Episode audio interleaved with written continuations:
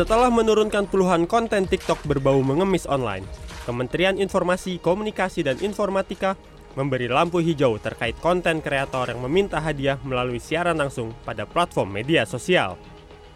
Hal tersebut disampaikan oleh Direktur Jenderal Aplikasi Informatika Kominfo, Samuel Abrijani, di sela acara peluncuran status literasi digital Indonesia 2022 di Jakarta. Dilansir dari cnnindonesia.com, Samuel mengatakan ada rambu-rambu yang harus dipatuhi, yaitu tidak adanya konten berbau seksual, erotisme, dan hal lain yang tidak sesuai dengan perundang-undangan. Kendati membolehkan kreator meminta hadiah, Samuel tetap melarang aktivitas tersebut jika melibatkan golongan lansia, disabilitas, dan anak di bawah umur.